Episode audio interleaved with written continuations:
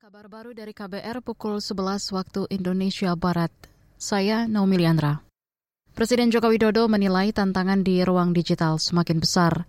Jokowi menyebut konten-konten negatif hingga kejahatan di ruang digital terus meningkat dan bermunculan. Itu disampaikan Jokowi dalam sambutan video di acara literasi digital sektor pemerintahan kepada anggota Satpol PP dan Linmas hari ini.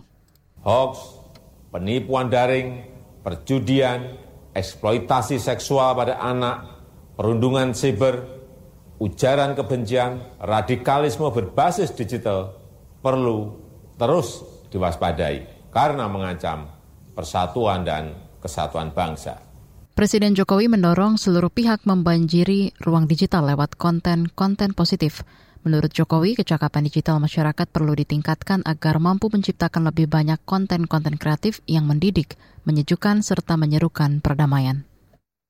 Beralih ke informasi lain, Kementerian Keuangan memastikan arsitektur APBN 2024 dirancang untuk mampu menjawab tantangan, salah satunya ketahanan pangan. Menurut Sekretaris Jenderal Kementerian Keuangan Heru Pambudi, APBN tahun depan diharapkan bisa menopang ketahanan di level nasional maupun global termasuk mendukung berbagai agenda pembangunan secara optimal dan mempercepat transformasi ekonomi. Tidak mudah Ibu Bapak karena perangnya masih jalan terus. Kalau urusan yang di hari-hari keringnya ya jalan terus. Beberapa daerah sudah mulai kehabisan air bersih. Jangankan untuk padi, untuk minum sendiri saja sudah susah. Perang di di Ukraina juga masih berlanjut dan bahkan mungkin bisa geser lebih luas lagi dalam bentuk perang yang lain.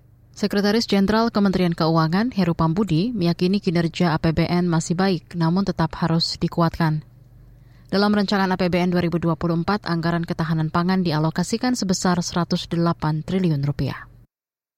Bergeser ke informasi hukum, sidang perdana terdakwa penerimaan gratifikasi dan tindak pidana pencucian uang TPPU Rafael Alun Trisambodo atau RAT digelar hari ini di Pengadilan Tipikor Pengadilan Negeri Jakarta Pusat. Lewat keterangan tertulis, juru bicara Komisi Pemberantasan Korupsi KPK, Ali Fikri mengatakan agenda sidang perdana tersebut adalah pembacaan surat dakwaan oleh jaksa KPK.